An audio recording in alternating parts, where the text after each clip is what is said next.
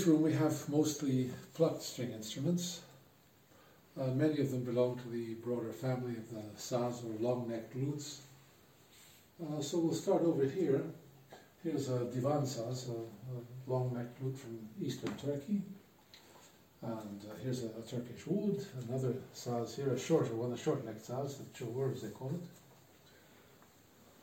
Here is a jura saz, a very small size. The jura balama, which is a sort of middle size. This one is another chowur, which is the short-necked saz. These two here are the Bulgari from Crete, which is a variant of the saz, really, which we found here on, uh, on Crete. It's not played very much anymore, but it was at one time very popular. This here is an instrument from, from Rajasthan. It's uh, called kamaicha. It's the prime uh, bowed instrument used in certain areas around Jaisalmer in, in, uh, in Rajasthan. It's a particularly old one, this one. Here we have another Bulgari. This is a Kurdish tambour from the Iranian Kurdish region. Uh, a saz made by an Iranian maker here. Here is a, a tambour from Afghanistan, uh, a dotar from Khorasan, a dede saz from western Turkey. This here is a North Indian sarod. Here we have three tar this one is Iranian, and these two are Azeri. They're slightly different, but uh, they're quite definitely the same instrument, but slight differences from the one to the other. This is a Gechak from Iran, a Kilkopuz from uh, uh, Kyrgyzia, Kamanche, and a Khushtar from the uh, Kashgar region of Xinjiang in western China, where the Uyghur people live.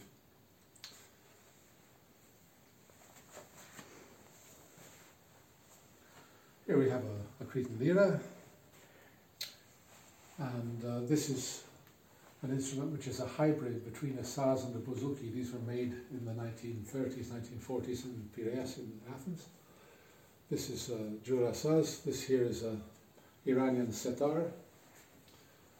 Turkmen dotar, a small, very small one, and a larger one. Bulgarian tamburitsa. Another Jura saz here uh, made by Tassos Theodorakis in uh, Thessaloniki. This one here is a, a Uzbek dotar, North Indian tambura, a small one. And here we have tabla and the South Indian kanjira, a quite extraordinary percussion instrument. It looks very small and unassuming, but it's really quite remarkable. Uh, then here we have liras from the Black Sea region, Pontic liras as they're called, or kemençe in, uh, in Turkish. Also a North American uh, uh, dulcimer. Uh, and then we have two sorus here from Balochistan, which is the, these are from the Pakistani region of Balochistan. Balochistan is uh, divided into Pakistan, Afghanistan, and Iran. These are from the Pakistani region. So, greeting everybody. I'm very happy to have with me the Master Ross Daly again. Uh, hi, Master. It's my pleasure to be here. Uh, my pleasure to be here. Good evening. Yeah. And today I think we have a very interesting discussion about a very unique uh, experience of inventing instruments and an exposure to a lot of cultures and a lot of instruments already it's one of my very favorite subjects, actually, musical instruments. Yes.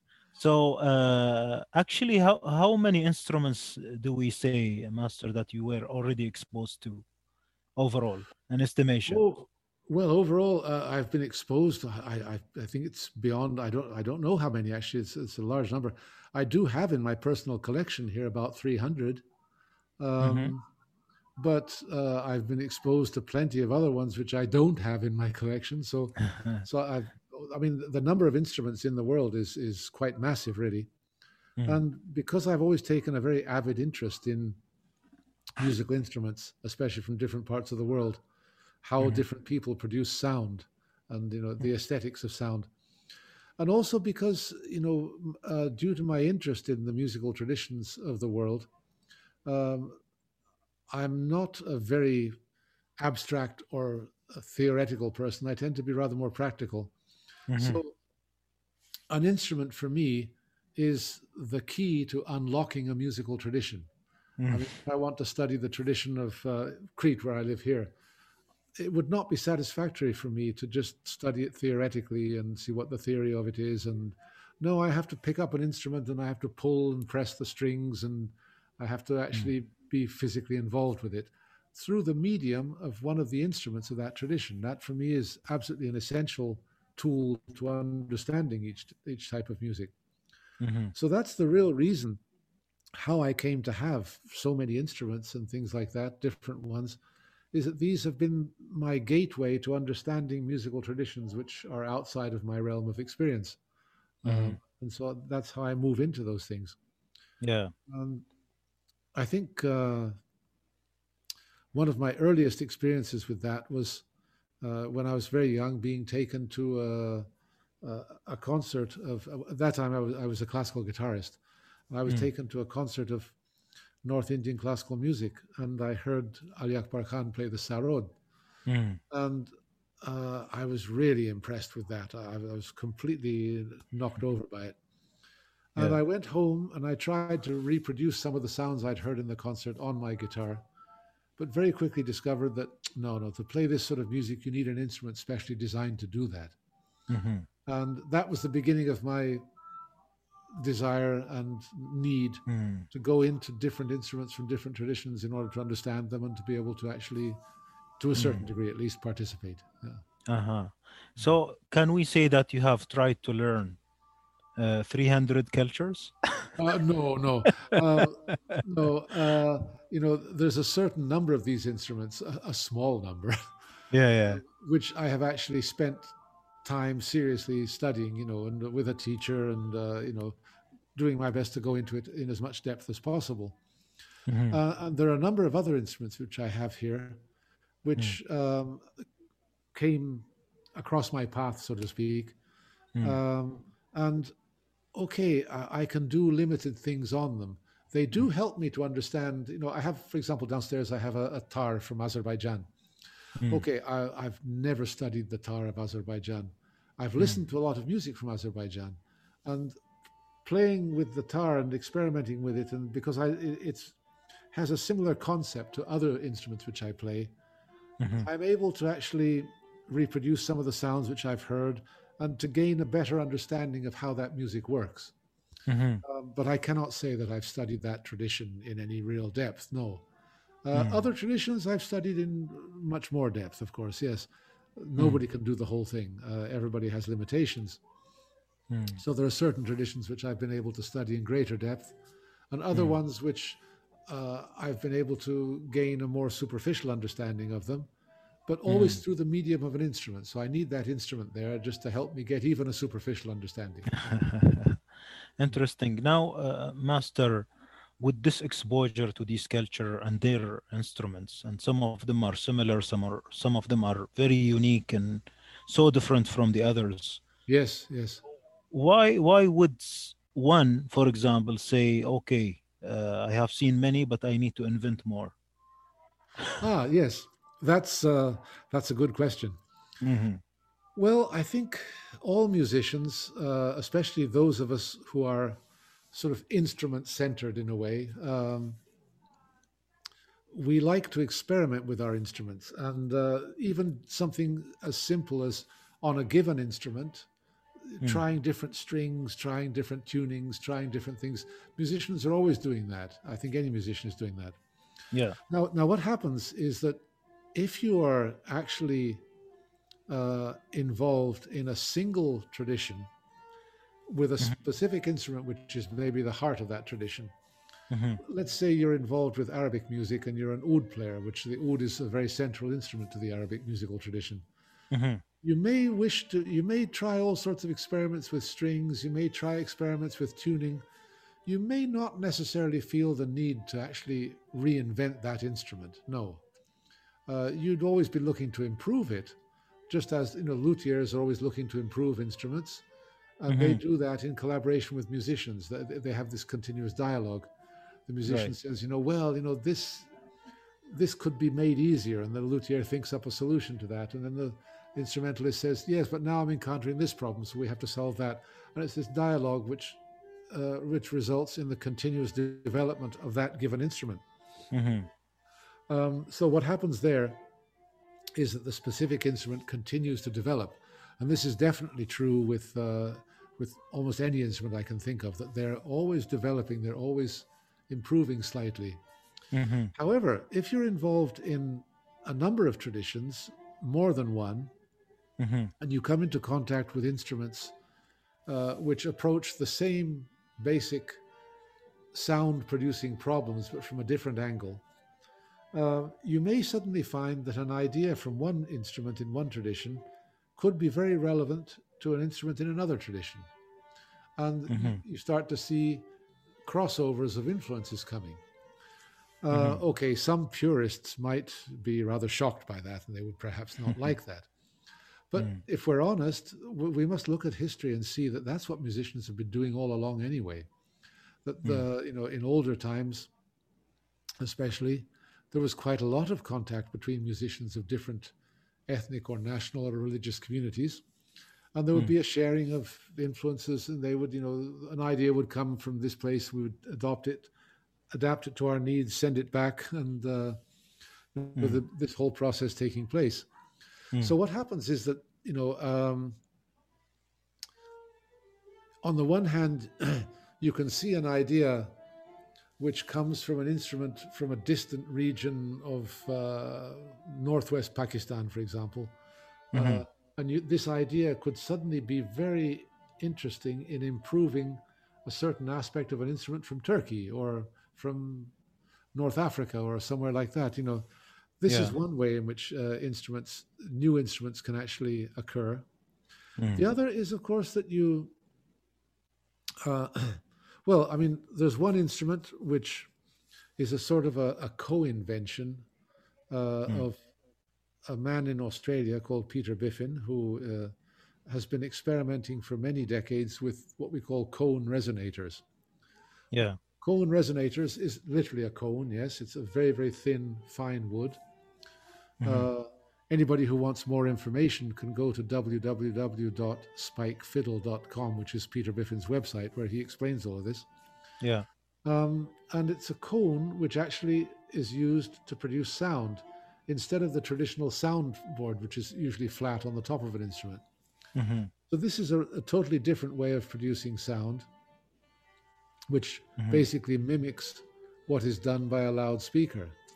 Now, a Mm. loudspeaker has certain advantages because, you know, a loudspeaker just this big in your car can Yeah. reproduce the sound of a double bass very, very convincingly. Yes. Whereas a traditional soundboard would have to be very big to produce those frequencies. Mm. So this technology means that you can now, with a much smaller object, produce very powerful bass frequencies uh, without having to have a massive instrument like a double bass. hmm So Peter was experimenting with these cone resonators, and uh, he was influenced primarily by the North Indian sarangi, but primarily by the uh, the yaylı tambur of Turkey, uh, which he happened to like very much. And so he was doing this long-necked instrument, um, which he calls tarhu, hmm and uh, it has a cone resonator inside. And instead of like the yaylı tambur of just one playing string, he used a curved bridge, so he now has four playing strings. So that the Yeah. instrument has a massive range. Mm. This massive range would not be possible on a on an actual yaylı tambur because it does not use cone resonator technology. It uses a flat skin. So that means that due to its size, there is a limit to the amount of frequencies it can produce. It works very, very well within a mid range, but it cannot go down to the very, very low register, Mhm. which the Tarhu can. So this was an interesting thing that he created this instrument using the cone resonator, which could now produce a very large range of frequencies with considerable accuracy. Mm. So I saw that instrument and I came up with another design to use cone resonator technology uh, based on the Cretan lira. So we Mm. made one initial uh, instrument, which was a small instrument, and uh, it, about the same size as the Cretan lira. but incorporating sympathetic strings, which is something I had already done prior to that. Mm. However, we saw, we saw very quickly that the sympathetic strings did not work very well because they were quite short. The Cretan lira has a string length of 29 centimeters, which is not very long. Mm. Sympathetic strings were only a tiny bit longer than that. So they were Hmm. not really that effective because um, they were rather short. So we came up with another design which uh, included five strings of 29 centimeters, like the Cretan lira, Yeah. but the sympathetic strings being double that length. So you had now two peg heads, rather like a medieval theorbo or something like that. Uh huh. And uh, that worked very well. Um, I also incorporated into the design the fact that we were now going to use initially horsehair strings Mm. uh, rather in the manner of the Egyptian rababa or some Central Asian instruments which use horsehair strings, which have a particularly beautiful breathy sound, rather like a wind instrument, but it's a bow. Uh huh. Now that we tried that, and um, of course I used the horsehair strings, which produced a wonderful sound, of course, but they were pretty uncontrollable in terms of tuning because they're very much affected by heat and by damp. Mm. They expand and contract. So even the heat created by the friction of the bow was putting it out of tune. So I mean, it was impossible to control. so what I did was I then made strings not out of horsehair but out of very fine fishing line, nylon, and I found that it, it produced a very nice sound, and it was quite controllable in terms of tuning. It was quite stable. So I then did experiments with these fishing line strings, uh, and I came up with different different ones for, for each of the five strings, which uh, which are on the tarhu, in the, the going from a very high E string to a very low E string, covering about uh, two and a half octaves, three octaves almost. Mhm. Okay. So uh, that was working very nicely. Actually, I found the right gauges. Uh, fortunately, fishing line is cheap, so I could do lots of experiments. I made for each string, I must have made at least 30 strings for each one.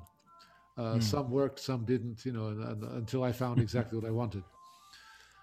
But the string which I always had a big problem with was the first string, the highest hmm. E string, which is about the same tuning as a violin E string, the higher E string of a violin. Yeah. that was that was not working with the fishing line technology. And hmm. i found that but i had to have a very tight string.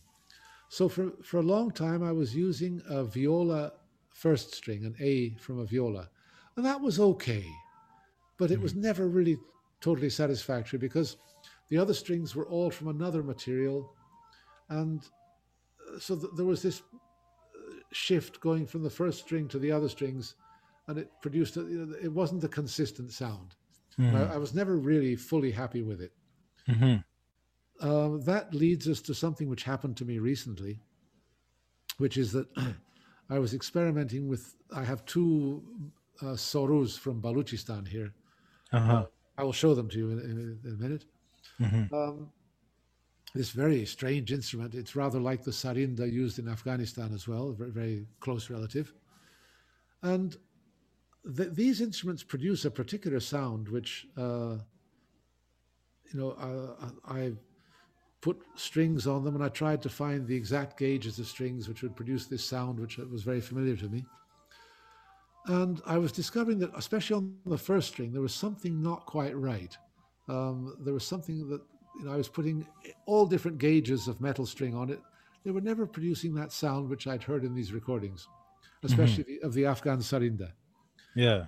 After which time, I spoke with a friend of mine in Switzerland who specializes in Afghan instruments and who has been studying the sarinda recently. Mhm. And he told me that they use on this instrument for the first string a composite string, which is actually made of three strings braided as you would braid someone's hair. Wow. A braided string. I'd never heard of this before. And so I tried it and I put it on my sorus and it produced the most excellent sound. It was exactly what I'd heard on these recordings. Wow. It was Wow. exactly right. Mm. So I was very impressed with that. And then I thought, well, wait a minute. Do you think this string might work on, on my first string of my tarhu, which is not producing a sound that I like? Mhm. And I tried it, and it did actually sound very, very good. And, and that's what I'm using to this at, at the present time. That's the string I'm using. So this is another way in which you know we come up with all sorts of ideas, looking for a sound which we imagine somehow, Yes. Uh, and um, so we, we have this imagined sound, and we then create this instrument which we think will produce that sound. Mhm. But we then create this instrument. It sounds, it's going in the direction which we imagined, yes, but it has other characteristics as well, which subsequently inspire us. And, uh, you know, we start to think, well, that's interesting. And then you start to think in another direction. And the one thing pulls the other, you know, your imagination and the instrument itself, and they sort of pull each other. And Mm. out of this process, new things occur. Yes. Uh, this is one process. This is one process. Mm. The other thing which led me to come up with a design of of the lira, uh, I, I came up with a new design for the lira, which uh, it, it's an, an instrument with you know the, the present version I have is with three three playing strings and twenty two sympathetic strings, and this is quite a divergence from the original Cretan lira. Mhm. So, what happened there was the following. In the late 1970s, and, uh, during the, almost all the 1970s, actually, I was studying the Cretan lira quite Mhm. intense, intensively with my teacher, Kostas Moundakis. Yeah. And during the early 1980s, I began studying the Turkish lira, the kemençe, the classic kemençe, they call it in Turkish. Mhm. Um, and I was doing that. In, I was going to Istanbul frequently and studying with various people there, amongst whom, including also Ihsan Özgen, who sadly died, Mm. recently, Yeah. Um, who was a wonderful musician and amazing, amazing player. Mhm. And um, okay, these are two instruments which are very similar. They're both liras, basically, but the style of playing them is radically different on the one hand, and also subtle differences in the construction uh, create enormous problems for somebody who wishes to play both. Mhm. As I said previously, the Cretan lira has 29 centimeters. It has three strings of 29 centimeters. So your these are that means that your finger positions have to be very exact because it's a very short string. It's shorter than a violin string. Violin's 32, 33. Uh, So Mhm. this is shorter. So you have to be very, very precise. The slightest little movement out of position and you're way off key. Mhm. So, by playing for so many years, you become accustomed to this, and your fingers actually fall into place in the right positions, and that's how you learn. So I then took up the, the Turkish kemençe, the the uh, the lira of Istanbul, Yeah. and that has a middle string of 29 centimeters, but its first and third string are anywhere between 25 and a half and 26 centimeters. So they're shorter still. Mm. So you have to play different intervals on the first and third string and different intervals on the middle string. This is a very difficult thing to do, of course. So what I was seeing was that I I would pick up the one lira and play it for a while. And okay, I'd be playing very nicely, it sounded good. And then I'd pick up the other one, everything was totally out of key. And you'd need at least an hour or so to actually adjust your technique to these new dimensions. And what I was starting to see was that if I continued doing that, I would be a bad lira player on both. And it became for me a necessity to make a choice, one or the other. I, I can't do through these two. Uh, it's uh, it's too much. And so I decided I'm going to have to make a choice. I'm going to have to choose the one and continue, and I'm going to have to leave the other one behind.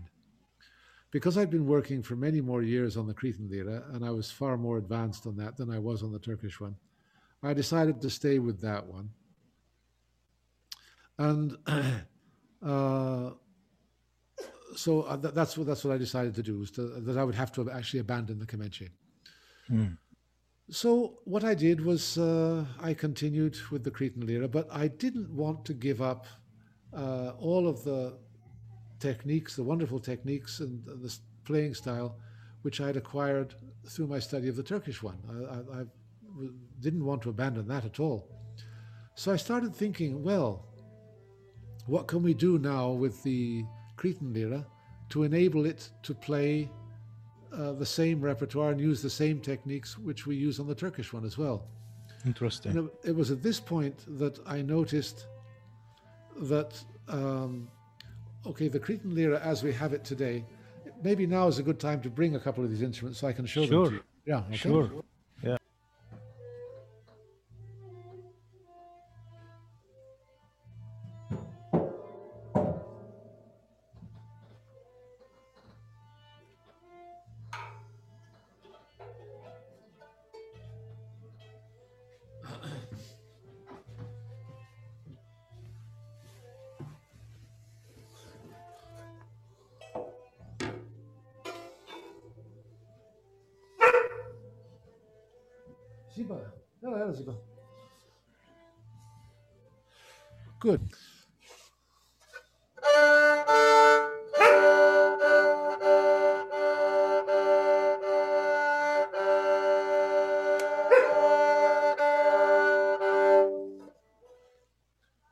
Uh, Ziba, my Yeah. favorite dog,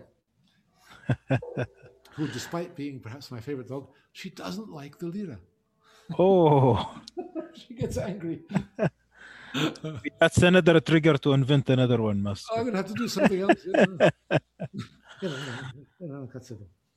There she is, uh, looking at us. Yeah. Okay, this is the Cretan lira uh, as it has uh, as it has developed during the hmm. course of the 20th century, starting from the mid 20th century. It hmm. developed into this. Uh,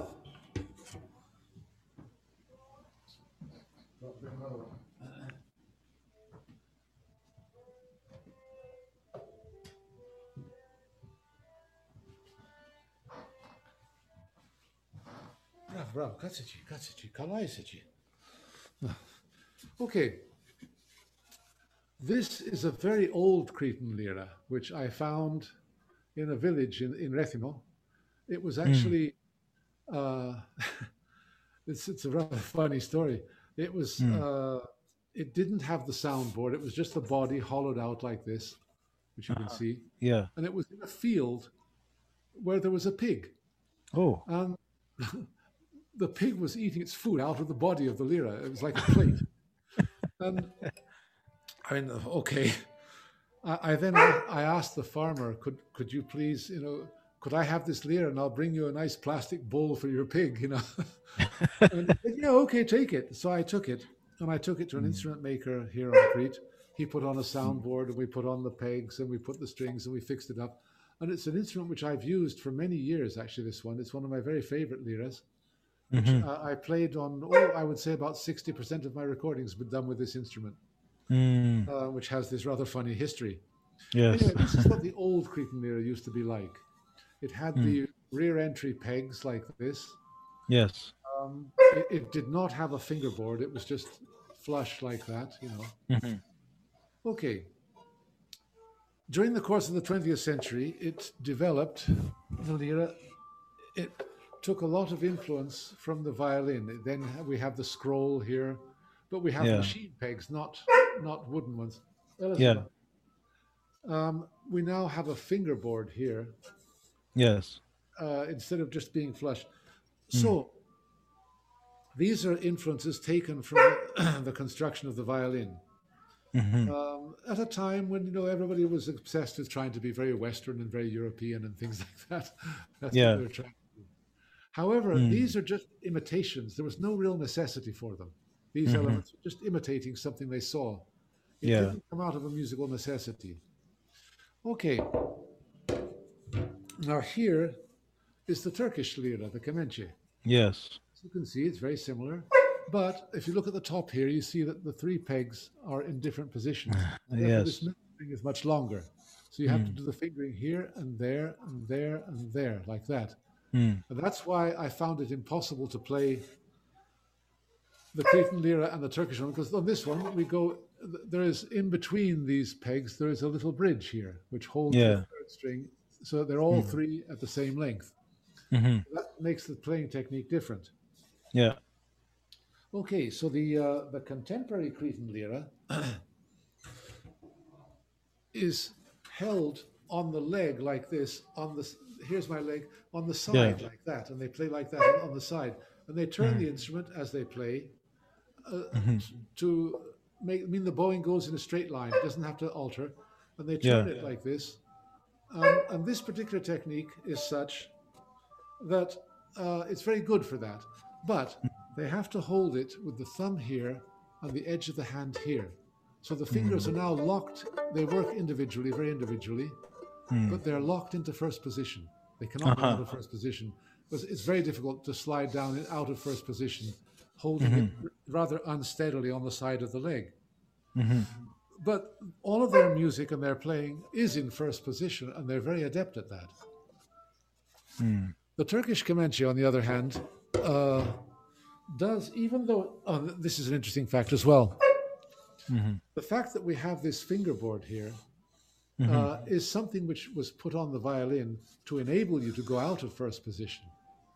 But it was put on the Cretan lira not to do that, because no one ever goes out of first position. It was just an imitation. Yeah. So there never was really a need for this. It just was an aesthetic addition. Interesting. So, the Turkish kemençe, on the other hand, uh, does not have the fingerboard, but they do regularly play out of first position. They go into the other positions. But they manage that doing the following. They, uh, I'll just adjust this so you can see better. They hold it, uh, uh, but between the knee, the knees, on top of the two, the two knees, like that, on the Yeah. thigh and the instrument is stable. So they hold it like this, and this part of the hand does not touch the instrument. It's free, and a lot of their work is done with, with the wrist, moving the wrist mm-hmm. like this up and down. So they're quite adept at going out of first position into the other positions. But the mm-hmm. bowing must move like this or like that according to which string you're on. They cannot turn the instrument as is done on the Cretan lira. Mm-hmm. Okay, so for me, what was important?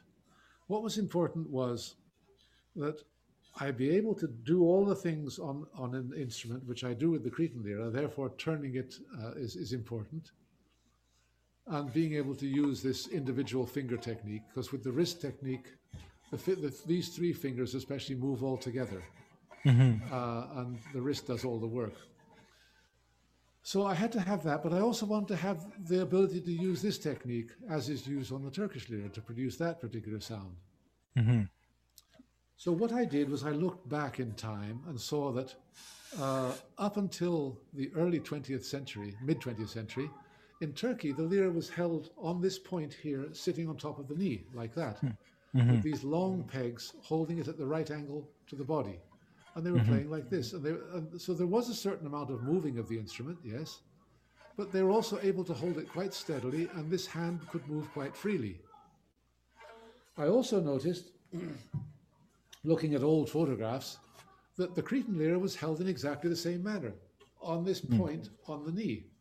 And that they were also able to, to move it like that so that they could do the turning, which is essential. This is basically spike fiddle technique. Hmm. And they were able to use their, their fingering technique the same. So the first thing I came up with was that, okay, what I have to do is since both these instruments originally were held holding instrument on the point on the knee, that's where I'm going to start from. so um, I took this instrument as my basic idea, but I, I made some alterations to the body design and the contour based on some old designs which I'd seen of liras in old photographs and things like that. I came up with a design which seemed suitable to me. I'll show you the first design.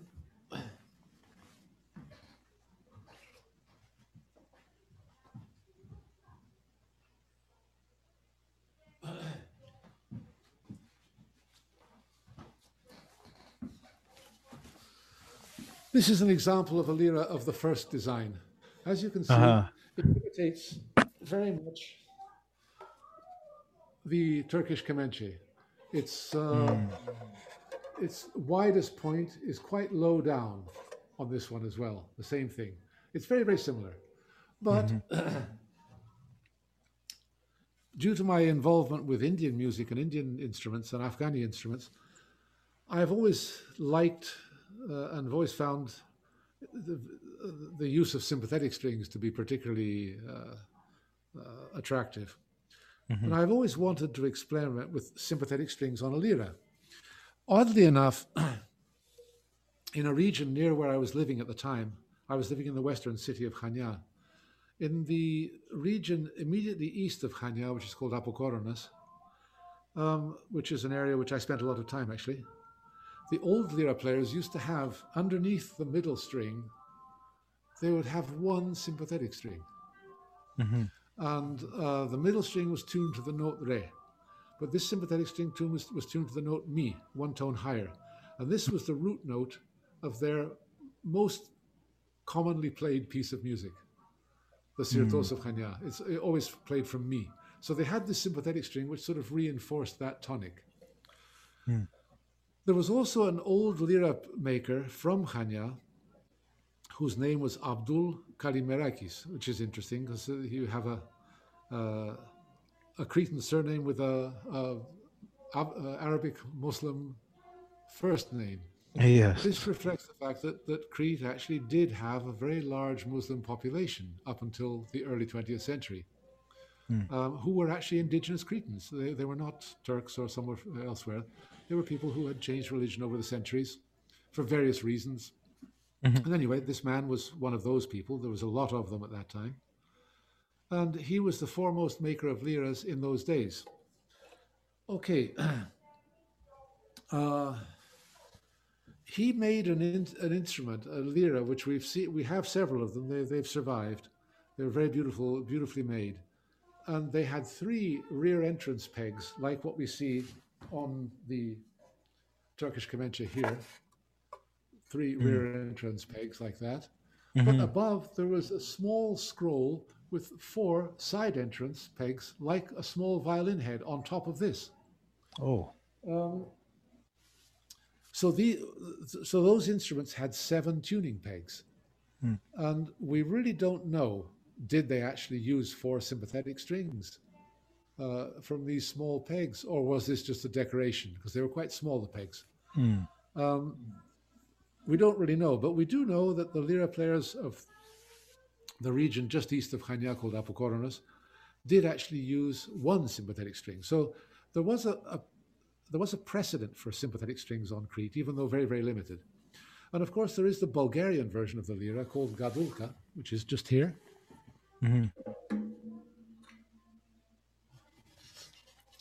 This is a Bulgarian Gadulka. It's, it's quite big. And it has three main playing strings, and it has as many as 12 sympathetic strings, which are tuned here, and which all wind around this middle post here. Uh-huh. Now, the gadulka, like the lira, on the first string is played with the fingernails to the side of the string. But the middle string is played with the fingertips up in the air against the Oh. string, and the third string is even higher, played with the fingertips as well. So it's a mixed technique. So, for that reason, the sympathetic strings are underneath the second string and they don't get in the way. That's quite okay.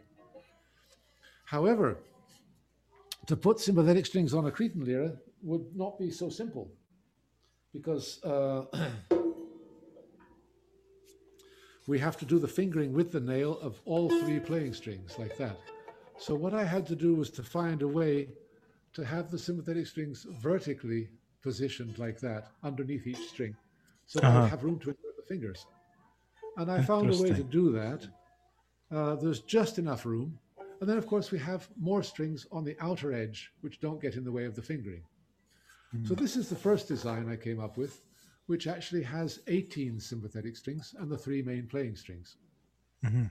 The number 18 was useful for me because it enabled me to have all of the have of a given makam the basic tones and also certain tones which are very common modulations into other makams from that one.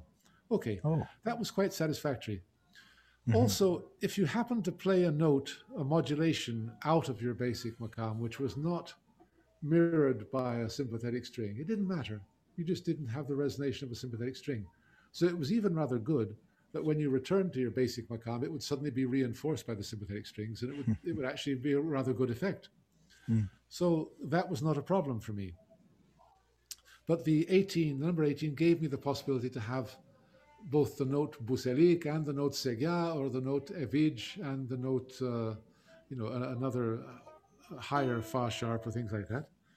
So uh, that was that was um, that worked very nicely.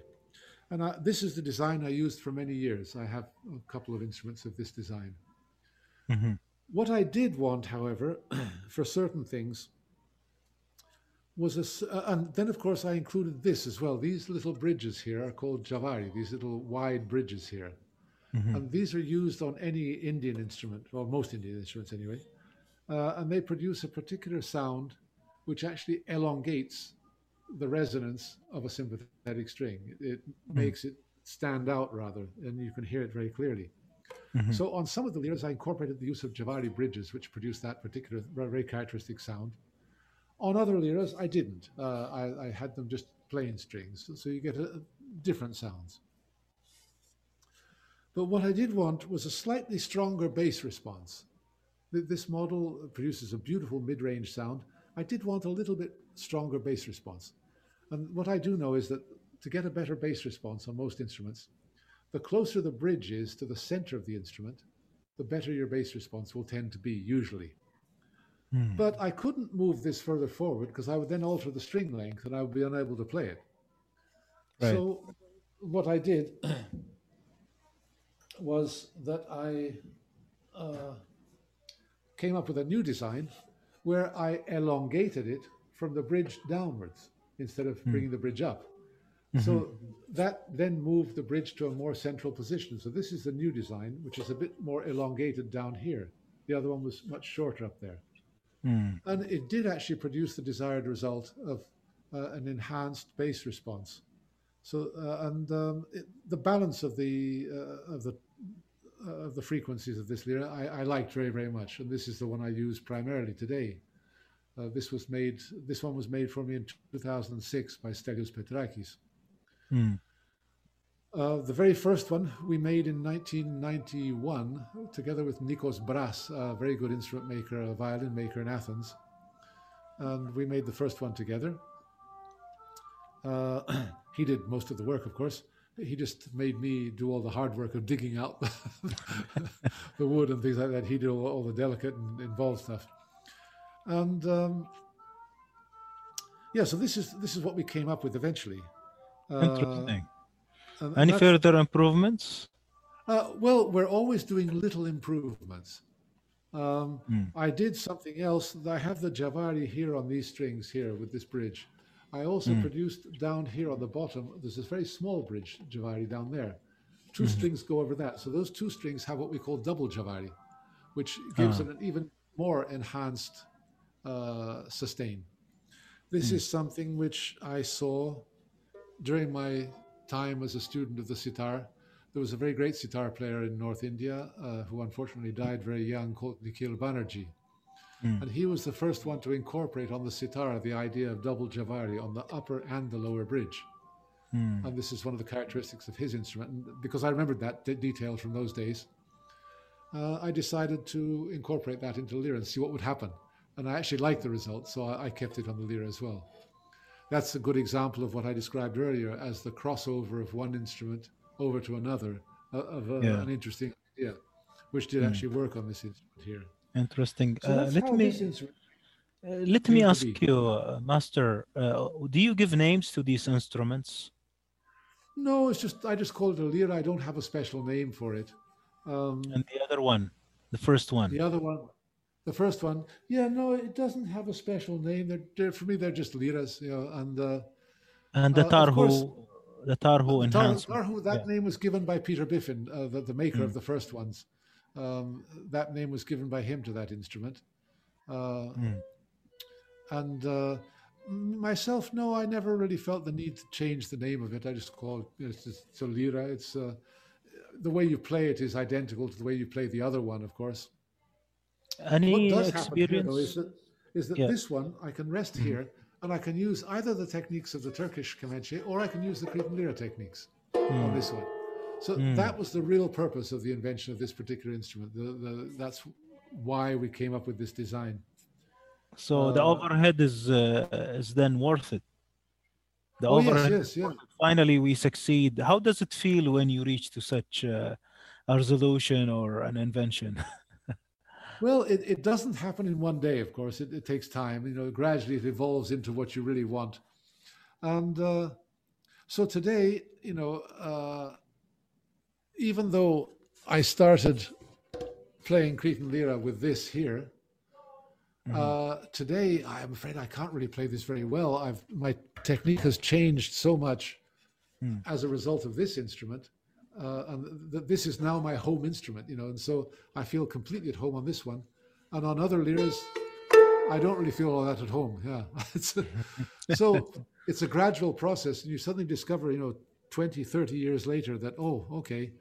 Uh, this is my instrument. The one I started on, I'm not really able to play it that well anymore because I've I I haven't really maintained it.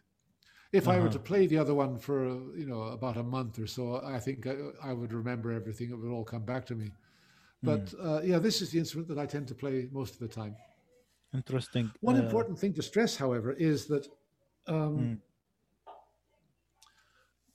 I never had the intention to, should we say, improve the Cretan lira or make it better than what it already is.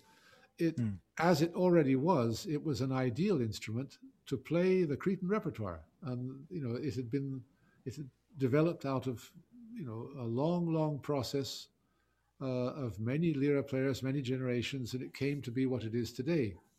And it's, you know, like any traditional instrument, it's ideally suited to playing the tradition in which you find it. yeah. My problem, so to speak, if we can call it a problem, was that I now wanted to play other things on the lira, and uh, because that the you know most traditional instruments are designed very specifically to do very specific things within a specific tradition, and they're they're very specialized. So um, what I needed was something which would enable me to play both this tradition and another one as well, and other Right. types of music. So uh, my only desire was to create or to develop an instrument which would uh, be able to uh, respond to, to my specific needs. So this was just something that I, I wanted to do uh, to satisfy my own personal search for a, sound quality and things like that. It was not an improvement on what was already there. That what was already there didn't need improvement from me. Um, but it was just I wanted to go in a different direction, uh, which is natural because you know, uh, okay, I did learn to play the Cretan lira, but I'm not a Cretan person. So obviously, you know, I'm going to want to do other things as well. Um, to play a music which reflects my own pathway through life, you know, which took me to Yeah. all sorts of different places. Took me to India, took me to Afghanistan, took me, uh, you know, I came out of classical music. Uh, I had involvement with all sorts of other different things. Yeah. So obviously, uh, you know, w- when I want to suddenly find what is my music, what is my sound, uh, there's going to be a place for all of those things in what I uh, what I come up with in the end. So that was it. It was a very personal thing. It was not a, an, an attempt to suddenly, you know, that here I come to improve the Cretan lira. No, that that's not the that's certainly not the issue. It was a very personal uh, quest in a way. Yeah. Interesting. Um, so that meant that I was rather surprised when I saw that other musicians, lira players, took an interest in this instrument and that they started ordering them from our instrument makers.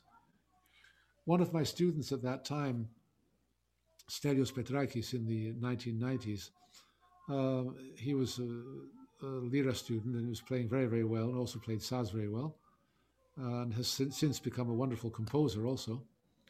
Um, he was he was starting his work is experimenting with instrument making. He then became you know one of Crete's foremost luthiers, but uh, at that time he was you know a young student uh, uh, at law school, actually studying law in Athens, and he started experimenting with um, making instruments, and so he made for himself one lira.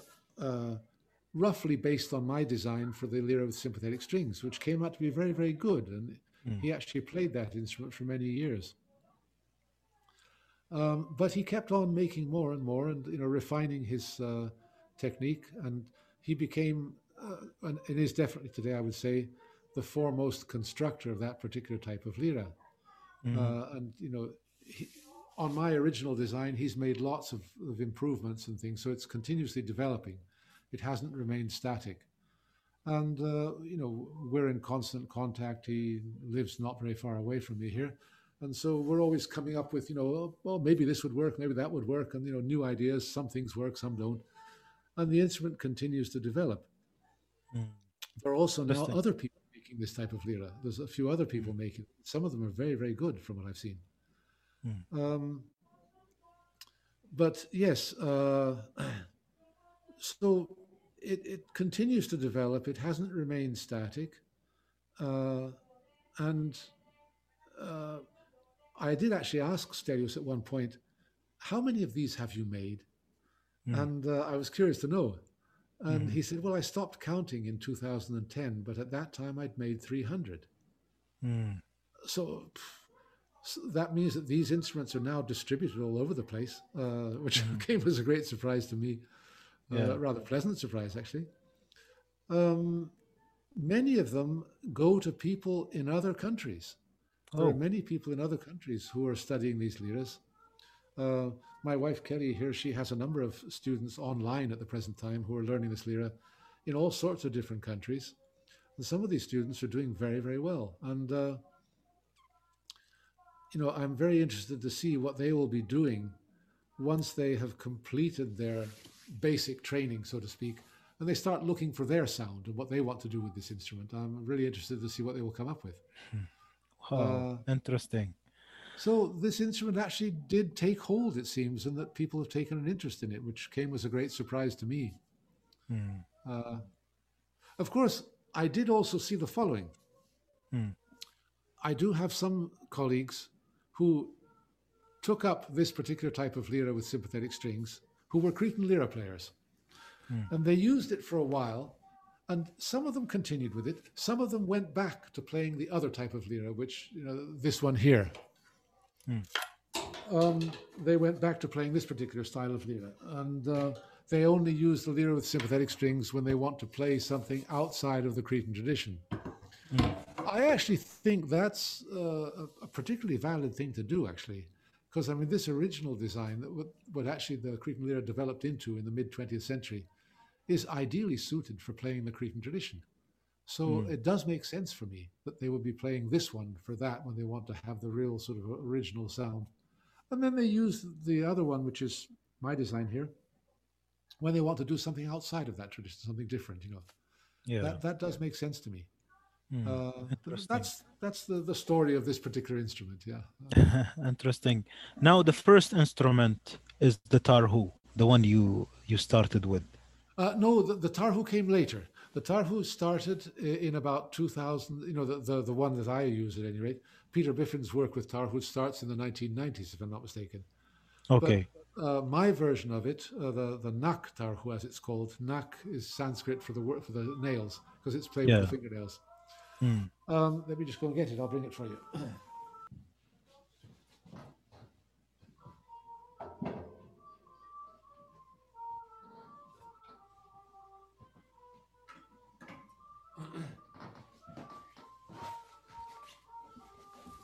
So how many instruments, uh, Master, have you tried to invent?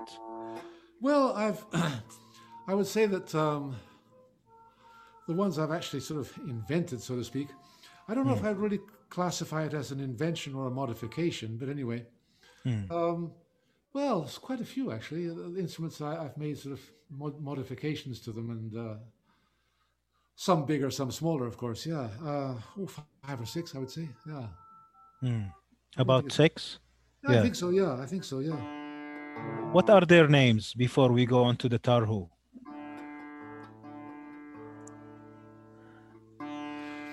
Well, a type of laouto. Hmm. Uh, also, a type of uh, of saz, which I've just a- added some extra strings to it, much in the manner of the Azerbaijani tar. Hmm. Um, those are the ones I think I've done the most work with. I think, yeah, and uh, I've also made some minor modifications to the Afghan rabab as well. Uh, Hmm. in- but uh, not very big ones. No, no, no. That's the ones I can think of at the present moment. Hmm. Uh, I don't know if I've done anything, if I've destroyed any other instruments. Anyway,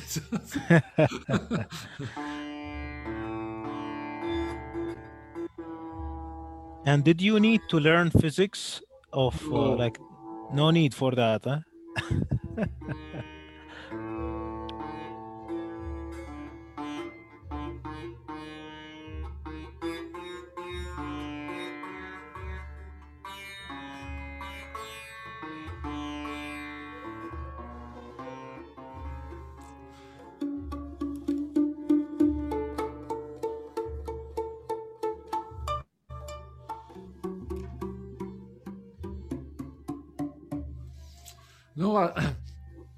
wish I did know more about physics, but I don't, I'm afraid.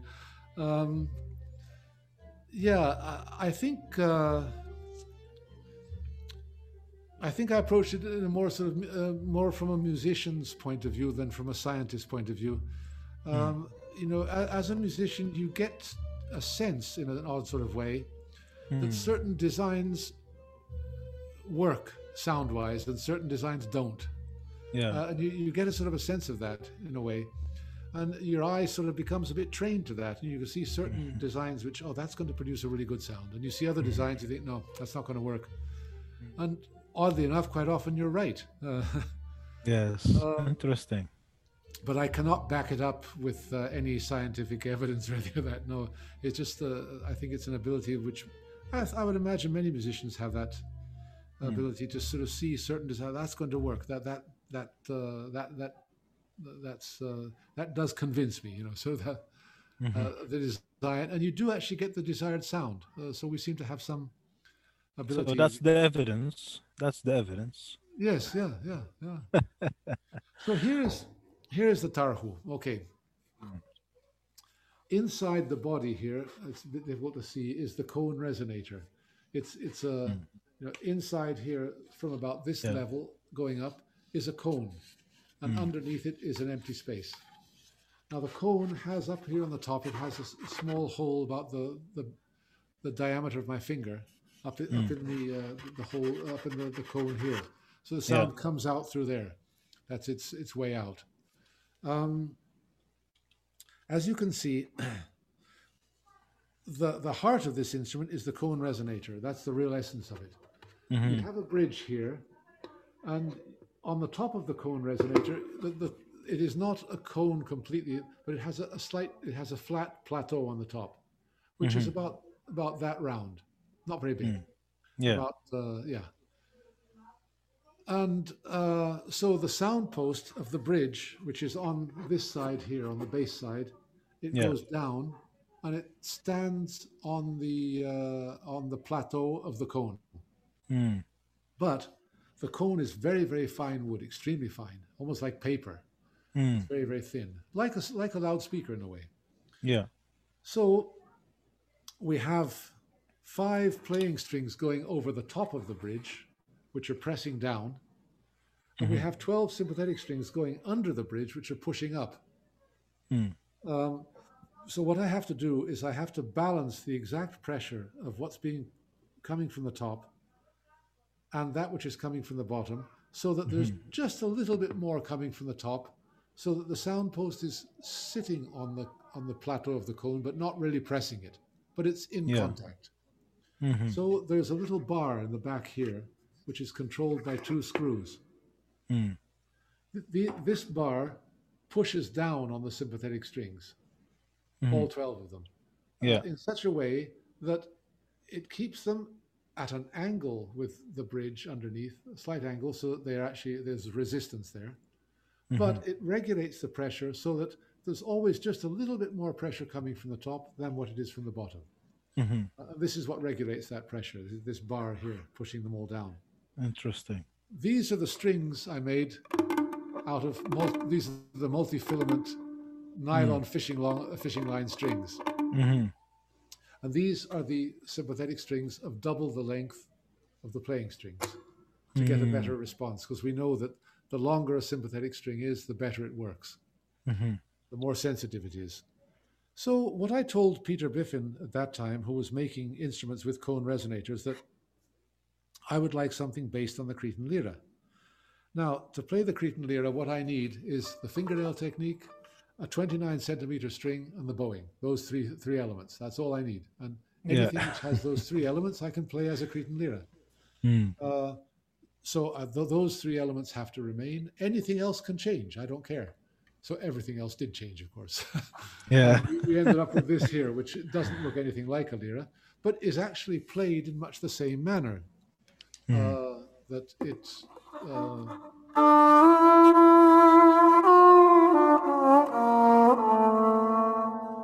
And it produces this nice sort of reverberation, natural coming Yeah. out of the sympathetic strings. And also, we do have the Javari bridge up on the top here as well, which is enhancing the resonance of the sympathetic strings. Mhm. Interesting. Um, and how long does it take use- to uh, to uh, tune it? oh, it's, it's pretty quick actually. Um, these strings are surprisingly stable. And we have these pegs here. These are fifth banjo fifth string pegs going in from the side. They're very Yeah. they're very efficient for that. They're very good. Uh, the, stri- the the pegs for the fifth string of the banjo very very useful they are. Mhm. These ones at the top, uh, these are called perfection pegs. They're made by a company in Australia.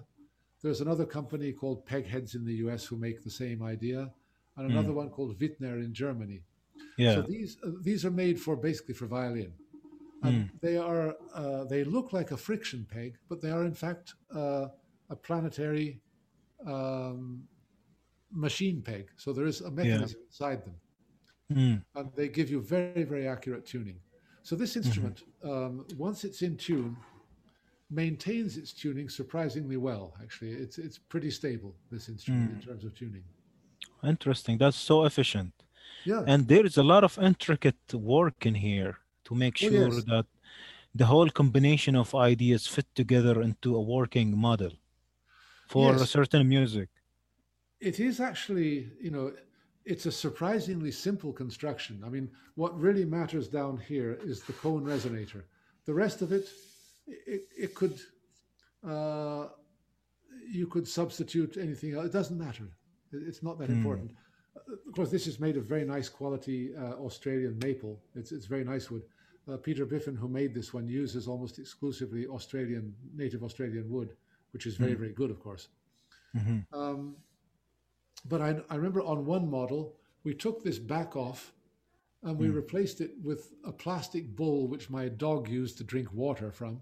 and it sounded the same. It didn't matter. What mattered was the cone resonator, the bridge, this little piece of wood which the bridge rests on this side, and the soundpost. Those, those little details made all the difference. And of course, the exact pressure from above and from below. So what's important in this instrument? It's it's really it's quite a simple construction. It's not all that difficult. But what is necessary is very exact measurements. That, that that makes all the difference.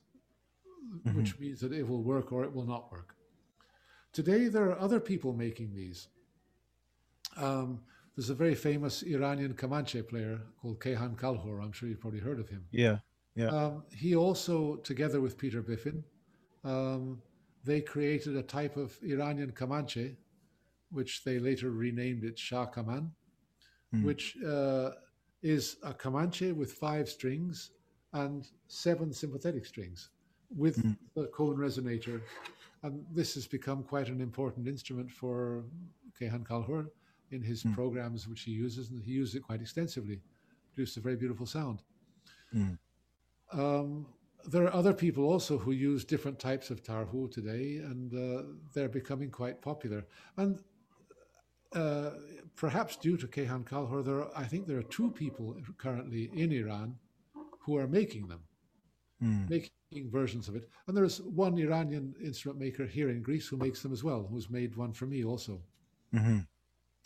uh, called Mazdak Fereduni. Uh, and there are other luthiers, uh, from what I see on Peter Biffin's website, there are other luthiers who, who are now uh, making various types of tarhu as well. So it's an instrument which is actually, its, uh, uh, its influence seems to be spreading. Yeah.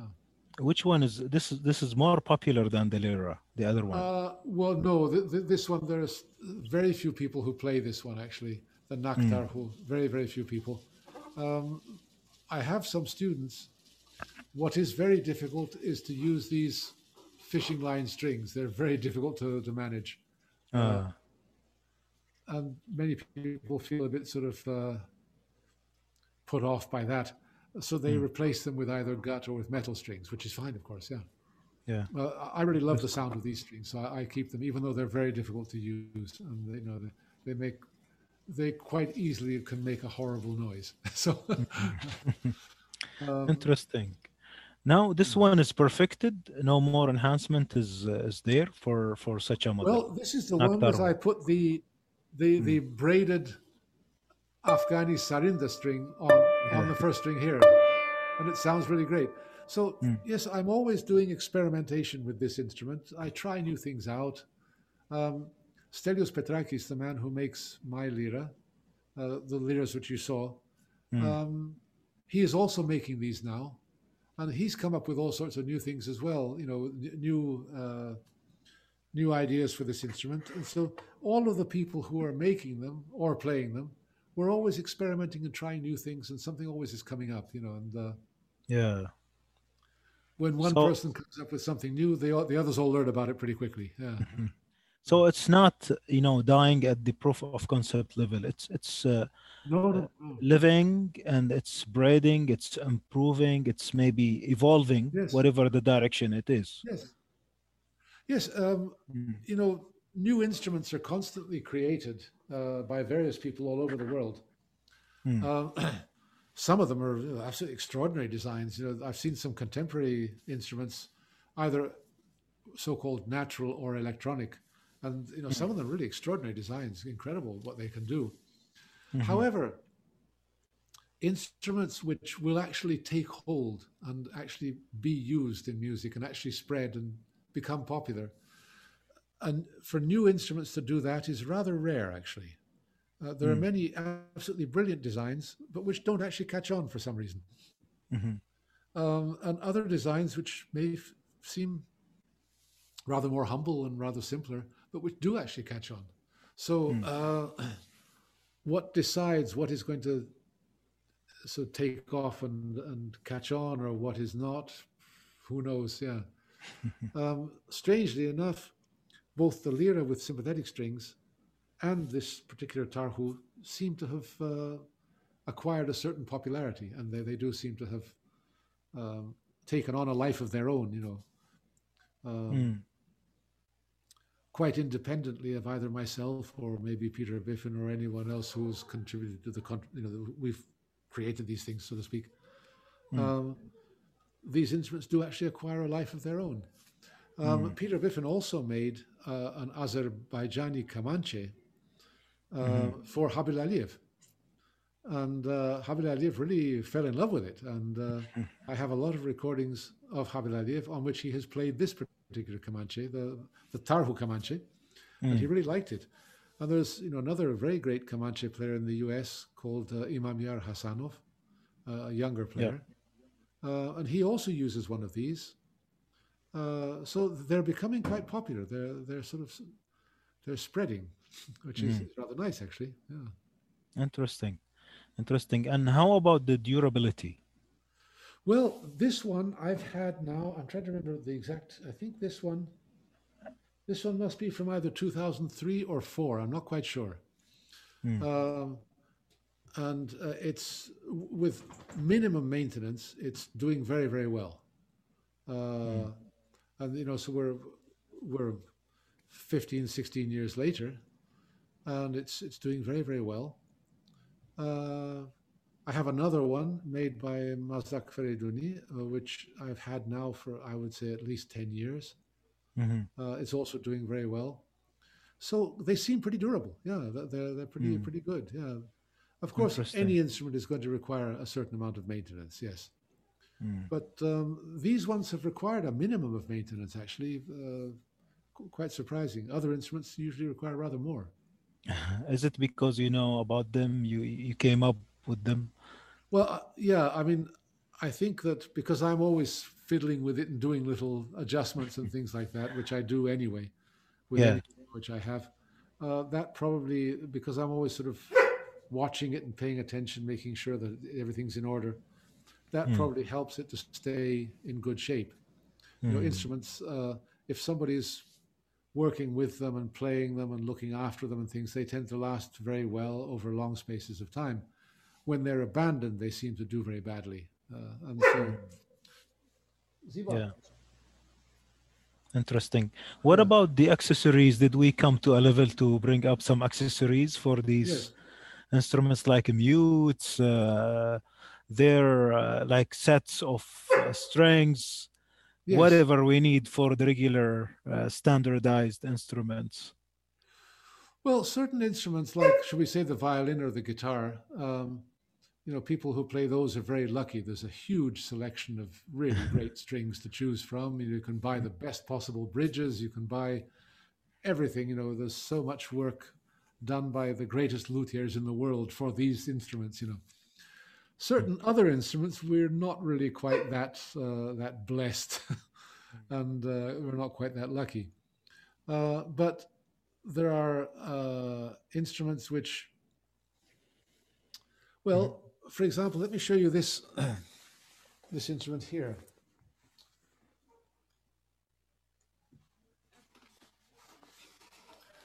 This is actually a very old Afghan rabab. This one, it's uh, uh, we don't really know how old it is, but it's it's close to hundred years old. This one, Uh-huh. completely undecorated. As were the, the old rababs were not heavily decorated; they were quite undecorated. Mhm. Um, now, traditionally, uh, rababs have very bad tuning pegs. Mhm. They're handmade out of mulberry wood, which is not particularly good for tuning pegs, and they're a bit unstable and they're rather difficult to use. So, Yeah. I did actually order from a man in India uh, uh, pegs made of ebony, which is very, very good for pegs, of course. But he, Mhm. he did very, very fine work. You know, it's uh, uh, he makes accessories for violins primarily. But I ordered tuning pegs especially for the rabab, for both the top and the bottom. Mhm. Now, the rabab traditionally has friction pegs, but I have a good friend in, in Spain who is absolutely obsessed with the rabab. He loves it. His profession, however, he's a, a veterinarian. He's an animal doctor, uh, and he restored this rabab for me. And he did a number of things. Here, he included these machine pegs, like what you saw on the Tarhu, the- Yeah. the, planetary pegs. Uh, these ones are made from Pegheds from the United States, if I'm not mistaken. Mm. So these can be tuned very, very accurately without friction. They, they work uh, like machine pegs, but they look exactly like normal friction pegs. Yeah. These pegs here actually go through the side of the instrument. They're just come into contact with a very thin area of the instrument, so they wobble a lot. So mm. what he did was he created inside an extra piece of wood, which is supported from two sides, and so the peg is now in contact with two areas. So it, it's like this here, where it mm. goes through and it comes to the other side. So there's another Yeah. side holding things in place. So he mm-hmm. has that inside the instrument. Uh huh. And he did something else, which is, in my view, very revolutionary and very significant. You see, the rabab traditionally has a goat skin here, which produces the sound. Yeah. Uh, but a skin, of course, is very, very prone to damp and to temperature, and it it goes out of tune, or it shrinks, or it, it increases in the uh, in, in, in tension. Right. So what he, uh, you know, and in its native Afghanistan, this instrument, Afghanistan's a pretty dry country. Mm. Uh, but here on Crete, for example, or in some of the European areas, or in, here in the Western world, we have certain areas which are very, very damp. So the skin is always a problem, especially when you want to play outdoors on a summer evening on Crete, for example, where there's a lot of damp. So this is actually a synthetic skin.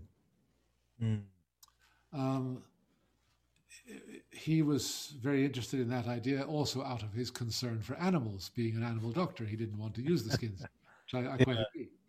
Um, So this is a synthetic skin which is not affected by damp or heat, and the instrument stays in perfect tune regardless of the, the weather conditions. Mhm.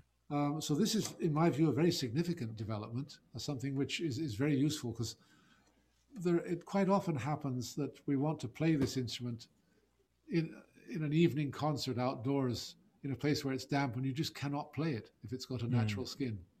Mm. Of course, the natural skin, when it's at its absolute best in a dry environment and you know it's it's well uh, uh, well stretched and you know it, it's it's good, it does sound great.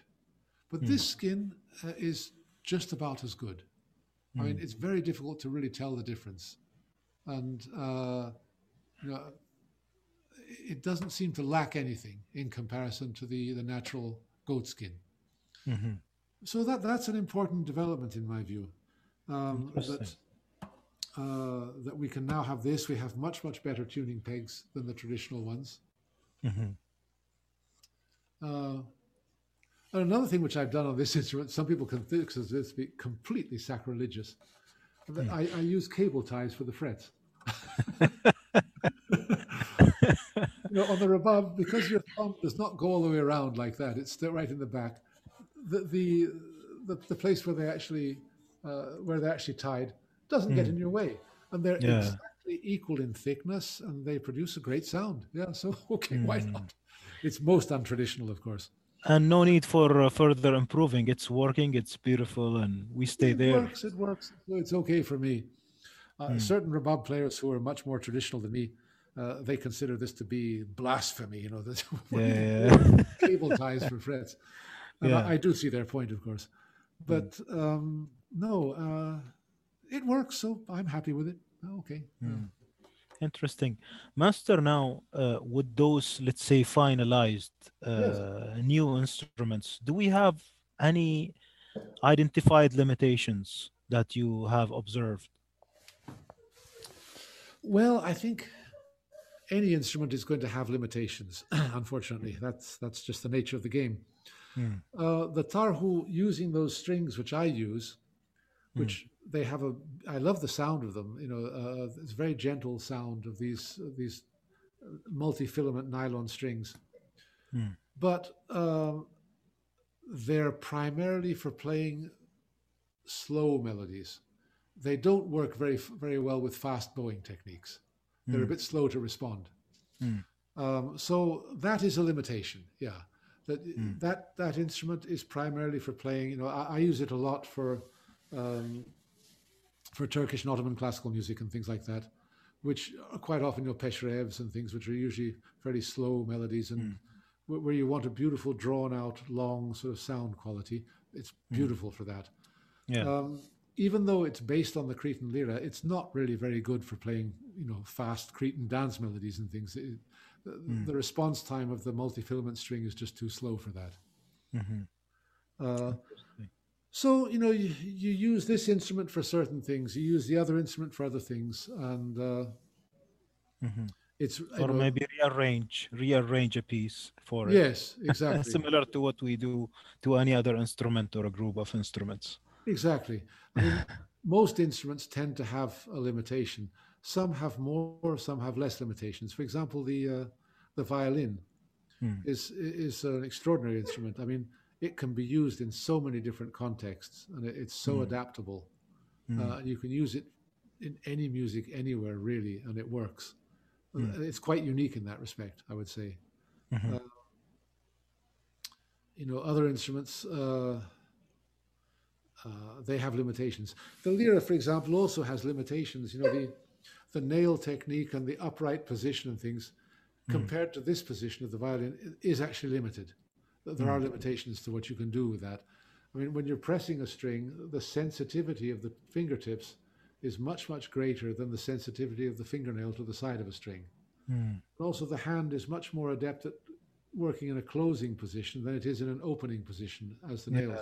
It's much stronger. So there are limitations. But then again, the quality of sound of the nail against the string is quite special. Uh, so it's it's a very special sound quality. So what you really need to do is to to find what are the strong points of each instrument and work with those. And every instrument's going to have its weaknesses, so you try and avoid those as best you can. Yeah. Yeah. Were there any kind of critique or reviews uh, on these newly uh, introduced instruments? Any serious reviews? Not really. Um, I mean, uh, I think the closest that I, I've seen, at any rate, to actual reviews of these instruments was um, reviews. For example, uh, I remember of some reviews in London of some concerts which which I did there, uh, and uh, the reviewer, uh, in the process of reviewing the concert, did actually remark on this rather strange instrument which I had, the tarhu in that particular case, and he Hmm. did make reference to you know he, he thought it he really liked it, and uh, Hmm. he made reference to Peter Biffin, the constructor of it, and things like that, and made a bit of, of extra reference to the instrument. Mhm. But it was in the the context of a review of a concert, really, and not of the instrument per se. Mm. Um, I I don't really know. I think there are some sites Mm. devoted to new inventions of instruments, and Mhm. uh, on those sites you can find some reviews um, by different people of new instruments which have been created. And from what I've been told, I haven't seen it myself, but from what I'm told, on a couple of those sites there is there is actually mention of and uh, you know sort of like a I suppose you could call it a review in a way of Mm. Peter Biffin's work with the Tarhu. Yes, I, I- think that there is some reference to that. I haven't seen it myself, but uh, Yeah, I have seen some articles actually ah, about. oh, very good. Yeah, yeah, I haven't Yeah. seen it actually, unfortunately. Uh, Interesting. Let's uh, let's maybe shed some light about luthiers, okay. about uh, you know uh, the concept of uh, you know bringing up instruments, be it traditional or new, and what's make them so different from each other. Let's talk also about the Eastern uh, music nature instruments versus Western. Let's talk about all of these in terms of a luthier perspective. Okay. Yeah. Uh, of course, in different regions of the world, there are a, a multitude of different sound aesthetics. Hmm. Um, that which is a satisfactory sound aesthetic for somebody, you know, for a musician in India, uh, may not be a satisfactory sound aesthetic for somebody in Germany, Hmm. or somebody in Morocco, or somebody in South Africa.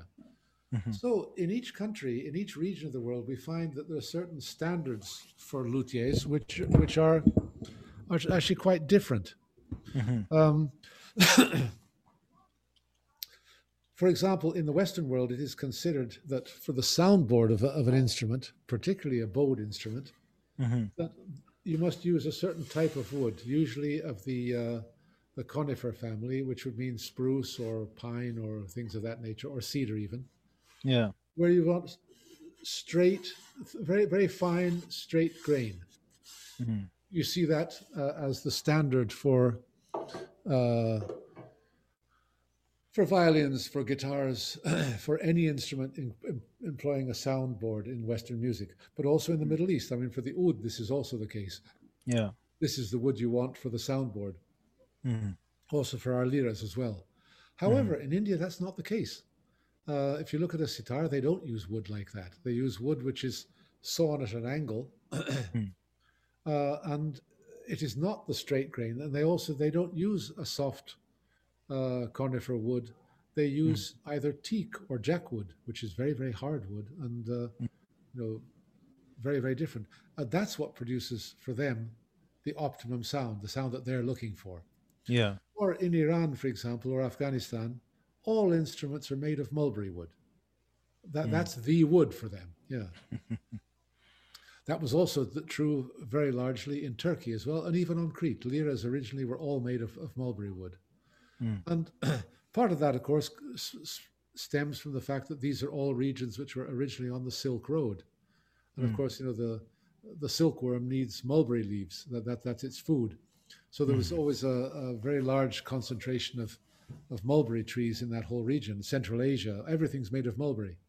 Mhm. Um, mulberry has some interesting characteristics, which I actually uh, learned about this from uh, from fishing boat makers here on Crete. There, there used to be many people who made wooden fishing boats here on Crete, and Yeah. for certain parts of the keel of the boat, they would only use mulberry because apparently it does not absorb easily damp, and it does not maintain damp. It, it's it's quite resistant to dampness, so it does very well under the water. Um, So it seems that these instruments made from mulberry also seem to resist the uh, ill effects of dampness. Mm. Um, so that's why mulberry has always been very, a very choice wood for for people, basically anywhere east of Istanbul, and also you know even down here on Crete. Hmm. Mulberry wood, however, in the Arab world, to my knowledge, has never been used. they've never used it for. I mean, the woods originally were, for example, cherry wood was very popular originally, Mm. uh, but they they didn't. Uh, they were not interested in mulberry at all. Mm. Okay, they have a different aesthetic. That that makes sense.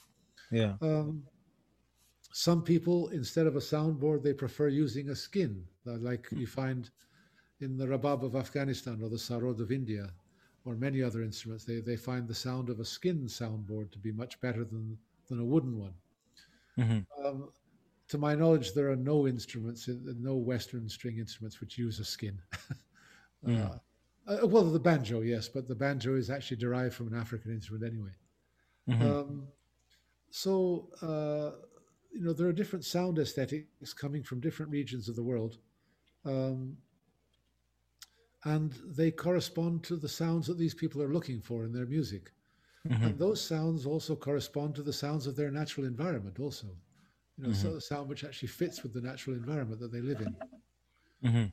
Uh, this is something which has always fascinated me that in different parts of the world, there are specific sounds which seem to resonate with the natural environment. Mhm. Um, I remember once being invited to a, the house of a, of a lady in a village near Rethymno in the center of Crete here. Uh-huh. It was a very old house in a village which she'd done a beautiful job of restoring. And, uh, you know, this is a beautifully restored house. And uh, she was showing us this house which she'd restored very nicely with her husband. Um, they lived in, in France, actually. Uh, and as she was showing me the house, I- as I was going around, I was consistently feeling that something is not quite right here. This is she's done the most beautiful job of restoration, everything perfect, you know. But there was something Mm. that wasn't sitting well with me. and at the end of the little tour of the house, she showed me a little carpet on the floor and Mm. said, "This is a little carpet. It's one of my favorite carpets I bought uh, in Morocco uh, many years ago, and uh, I've used this carpet. The the color scheme of this carpet I've projected onto the walls and onto this house." Mm. And that was when I realized that there was something wrong. Mm. And I thought to myself, why didn't she just look out the window wi- out the window for a color scheme? Mm. Because this little carpet reflected the color scheme and the whole visual aesthetic of another region of the world, and it was a bit out of place here. Oh, interesting. Yeah, and Yeah. I, I get the same sense with sound. That you know, there, when I hear, you know, some of the old original lira players, the way they play, and you know, you sort of experience the physical environment of Crete here. It fits so perfectly. Or you know, when I hear, uh, you know, a really good uh, Arab oud player from somewhere like Iraq, for example, uh, and you think of, of that particular environment, it, it just fits so perfectly. Or when you hear you know the Kemenche from Istanbul and you know you're in the city of Istanbul it, it resonates so perfectly. Mhm. um, or a sitar in uh, North India or a vina in South India or things these instruments they they resonate so well with their environment. And, and this is this is the result you know of different environments produce different sounds different people different ways of life and things. And this is what makes the whole thing so interesting for me actually. There's all this amazing variety. Mm. um, and each one is something really special you know. Yeah. Uh, so luthiers play a, play a very important role in this whole big picture Mm. uh, of they're the ones who create the means of producing these sounds. They're the ones who translate it into a physical object which is an mm-hmm. amazing feat in my view. Yeah. Yeah. And these guys now travel and learn from each other. They read, they Yes, see each other online, yeah. And and the, the the knowledge and the skill travels the experience of these luthiers and the technology as you described earlier. Yes. So mm. there is a lot of of mixing and mingling of all of these things that results into certain decisions right Oh, oh yes, uh, and here we have to be a little bit careful. Um, Sometimes that can be very, very positive, Mm. and I've also seen examples where it's maybe not so positive. I mean, Mm. um, let's take this instrument here. Mm. The adaptation of the violin scroll up here, Mm. or the addition of the fingerboard here, didn't actually serve any purpose.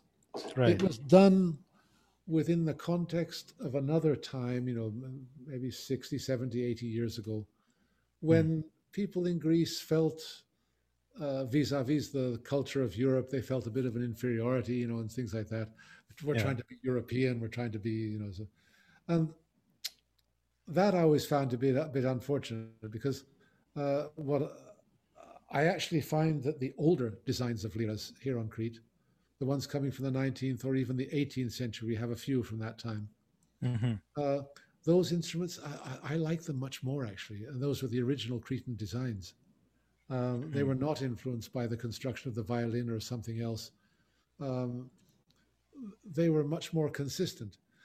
Mhm. However, uh, if you take an influ- influence from another instrument from another area, and it actually improves the functionality of what you're doing, Mhm. then uh, I, I find that to be very interesting. I mean, including the fingerboard on the Cretan lira for the sake of playing outside of the first position, when actually playing outside of first position is almost impossible with the technique which they use. Mhm. That didn't really make much sense. Mhm. Uh, it just was something which, you know, it was- it was a visual effect and not a, a sound. Yeah. However, uh, certain other modifications, however, did actually serve a functional purpose. Mhm. And uh, so I find those to be interesting. Mm. Uh, yeah, so I- I mean, uh, unfortunately, we do still have a bit of a problem Mm. with a certain Western hegemonic uh, attitude to certain things, Mm. which I think has to be dealt with. Um, Mhm. And, you know, I, we have to be a, bit, a bit careful about that. Uh, you know, I've seen uh, luthiers here in Greece or in other areas who have become fascinated with the amazingly complex and developed knowledge around the construction, shall we say, of the violin or the guitar. I mean, these are instruments, a lot of work has been done on those instruments. Yeah. And they then think that all of this can be applied to their instrument, Mm. to a saz or to a laut or to an oud or to whatever. Yeah. But it's not necessarily the case. I mean, sometimes you can take certain things from all of that body of knowledge and in your own way adapt them to your instrument, yes, in such a way as to complement it. But it's usually not possible to take that information directly as it is and apply it directly to your new instrument. It'll probably end up spoiling it. Mhm. Yeah. Yeah. So basically, we know what was the objective for certain designs or certain apparatus on yeah. these instruments, and therefore we use maybe something for a new objective, or maybe carrying over the objective rather than carrying over the look and feel or whatever Yes. it is. Yes. Yeah, yes, interesting. Yeah. Uh, Master, now with these, uh, you know, uh, introduction of these uh, instruments you have shown us, for sure there are a lot of introductions of ideas that could lead to a composition or maybe to uh, some new new music, right? Yes. Yes. Yes. Can we talk about this a bit? Yes, this Hmm. is something which um, this is something which must be dealt with very carefully. Actually, um, you know, if we look anywhere in the world, there are traditional ensembles of instruments, Mm, um, and these have developed over very, very long spaces of time, and they have arrived at a certain optimum result mhm, uh, which which is really good. You know, Mm. um, if you have, let's say you have uh, a number of instruments. One instrument, its frequencies are up here. Another one, its frequencies are there. They're interlocking together. They're Mm. connected. Another one down Yeah. here, and then okay, th- you have this spectrum of frequencies from here to here, played by Mm-hmm. various instruments Yeah. when they're when those frequencies are all connected and they produce a broad spectrum like that this uh, it, it produces a very full-bodied sound Mm. now somebody may have come up with a bright idea they think that okay here we have all these instruments they produce a spectrum this this big here of different instruments graded through this spectrum let's add a double bass Mm. okay double bass a wonderful instrument amazing instrument I, I love it Mm. But what happens quite often is that there's a between these other three or four instruments here and the double bass, there's a gap, and then the double mm. bass is from here on down. So mm. this gap suddenly means that the ear is now hearing all of these together as one, and this down here as two. So mm-hmm. you're no longer hearing three or four plus one is four or five. You're now hearing one plus two. So the end result is you're hearing something which sounds thinner mm-hmm. and not as full. Uh, mm. Suddenly, the size of everything inside this f- frequency spectrum shrinks mm-hmm. because it's now uh, it's uh, in a relationship with this thing down here, which is very low. So yeah. that's one example where, uh, and where I've seen that happen actually, is mm. with the traditional Arabic takht, which is uh, a very beautiful ensemble of yeah. four or five instruments, which would be mm. the oud, which works down in the low register. It will be the kanun and the violin or rabab and the ney. And then you have mm. not a darabuk or something, you then have the rek, which is very subtle. Yeah. Uh, this ensemble is beautiful because you mm. can hear each instrument very clearly. Each instrument has its own space and its mm-hmm. own frequency area. And the way they interact with one another, th- there is not what we call in sound engineering masking, where the one is sort of covering the other. Each one is mm. very, very clearly present. And this is mm-hmm. this is a combination that they've arrived at over centuries. Mm. And uh, so th- they know what they're doing. right. And what we often find is that, especially in this newfound realm called world music, mm. people think that they're coming up with bright ideas which nobody's ever thought of, and you know, and they don't realize that there's an amazing amount of knowledge and wisdom behind the creation of these traditional ensembles, which mm. have been developed over centuries. So, mm. before we go start adding new things and upsetting them, we mm. should look at them very carefully and understand exactly how they work. Of course, you can do new things. Of course, you can make innovations. Absolutely, yes. But it's very mm. important before you make an innovation to something that you take the trouble to fully understand how it works and why mm. it works. And then what is possible and what will what will work in a positive way or what will work in a negative way. And mm. uh, unfortunately, this is not always done within the context of what we call world music today uh, I quite often see rather awkward and maybe uncomfortable combinations of, of instruments which show a bit of a lack of understanding of how mm. these ensembles and how these instruments actually work together. If you take mm. the trouble to, to look at that carefully and to make mm. combinations of instruments which maybe haven't been combined up until now, uh, because they come from distant regions, for perhaps, um, if you're very careful and patient and uh, you know you listen very carefully and uh, you, you, sort of weigh what you're doing carefully, you can actually mm-hmm. come up with some rather interesting things, uh, some interesting new ideas, uh, which uh, for me that's one of the greatest challenges actually is to create mm. new ensembles, which maybe up until this time in history were not possible, but which mm-hmm. could actually happen. But it's a process which must be dealt with carefully, uh, in my view, so that we don't. Uh, mm. you know, hmm. There's many things in these different traditions are very, very subtle.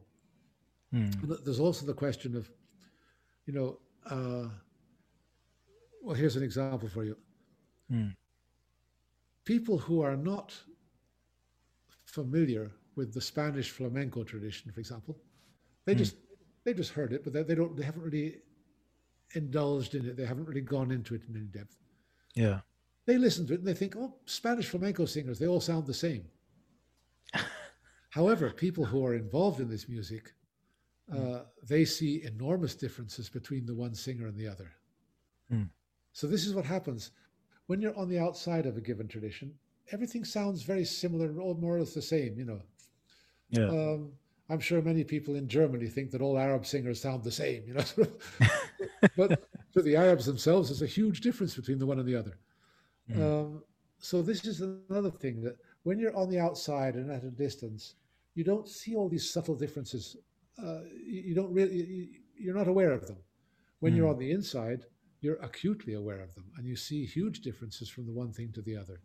So this right. is another thing to bear in mind that quite often people who are on the outside they feel a certain sort of ease about making changes here. You know, it all sounds the same anyway. It doesn't matter. You know, mm. um, and they're not aware of the subtle differences and the very subtle nuances in some of this stuff, mm. which you really do have to take the trouble to go into it in depth and be patient, uh, so mm. that hmm. you can actually do something constructive and not something destructive. Hmm. Interesting. So, Master, has have you written any pieces for these uh, instruments or yes. arrangements for these ranges of sounds? Yes, um, for these, should we say, new instruments like tarhu or the lira, sympathetic strings. yeah. Like yes, mm. I, I, have made compositions for them, um, mm. which I've tried my best to take into account. You know the the uh, sort of special characteristics of these instruments and to utilize yeah. them to their best effect as mm. best I can.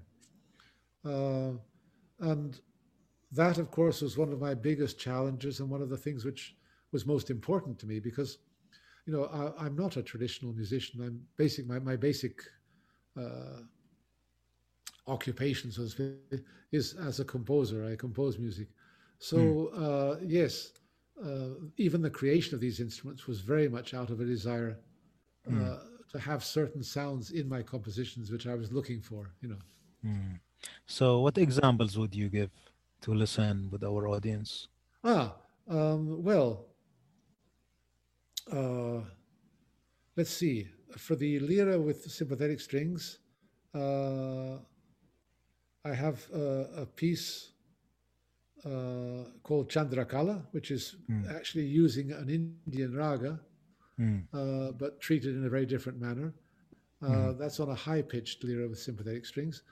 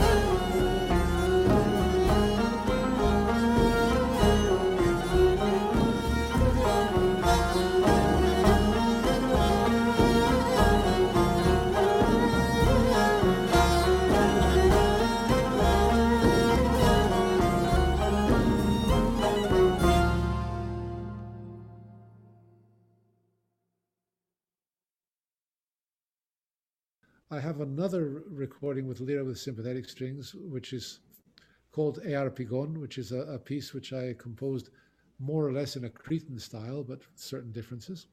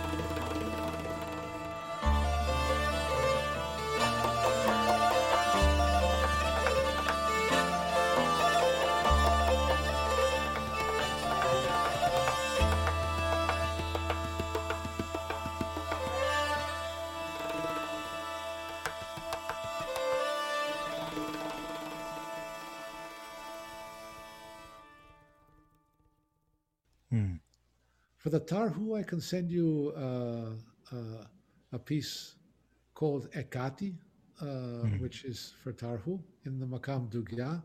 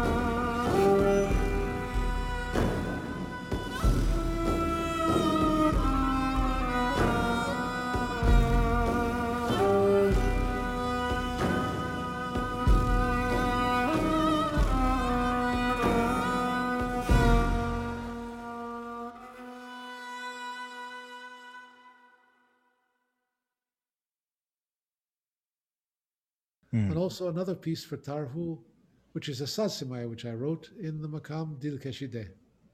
Uh, so that's more in, more in a traditional vein, yeah.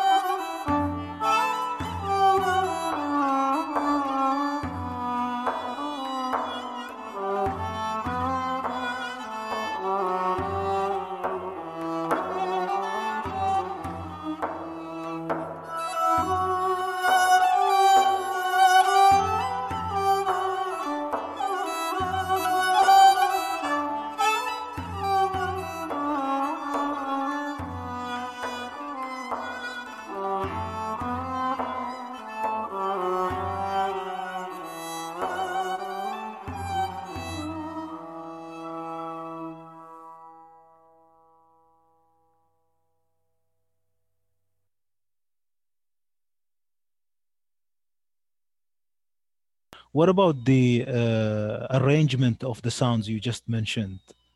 About Well- putting together a certain distant instruments into one piece or Okay, one one work. a piece called Lunar, in that Mm. case, in which case there I've used Kelly Mm. playing a soprano lira, a very high pitched lira, Mm. myself playing a tarhu, but also an Afghan rabab, uh, Mm. and our friend uh, Sam Schlamminger, uh, who's playing a very low pitched bendir in a style which he learned from an old bendir player in Turkey called Nezih Mm. Uzel. Uh, So this is a sort of a, a meeting of different sounds from different regions uh, in this one particular piece, and uh, Interesting. an example of that, yes.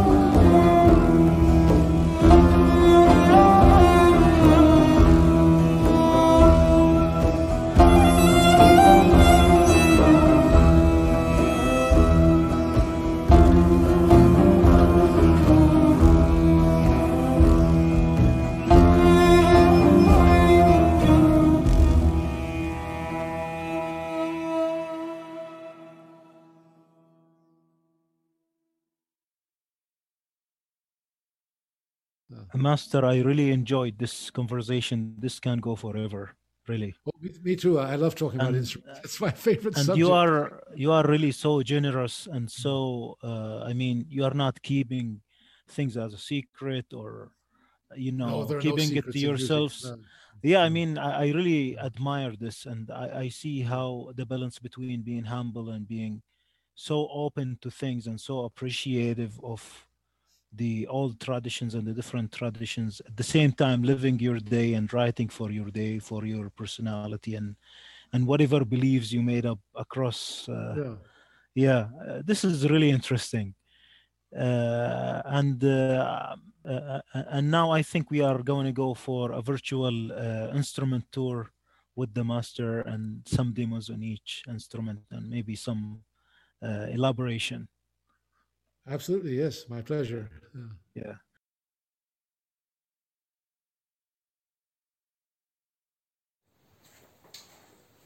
Here, these are instruments, vari variations on the Kamanche. This is an Azeri Kamanche, a bit shorter than the Iranian one. This is the Lori Kamanche from Iran. This is another Iranian Kamanche. This is a larger one, Iranian Kamanche. It's another variant of the Lori Kamanche, open back.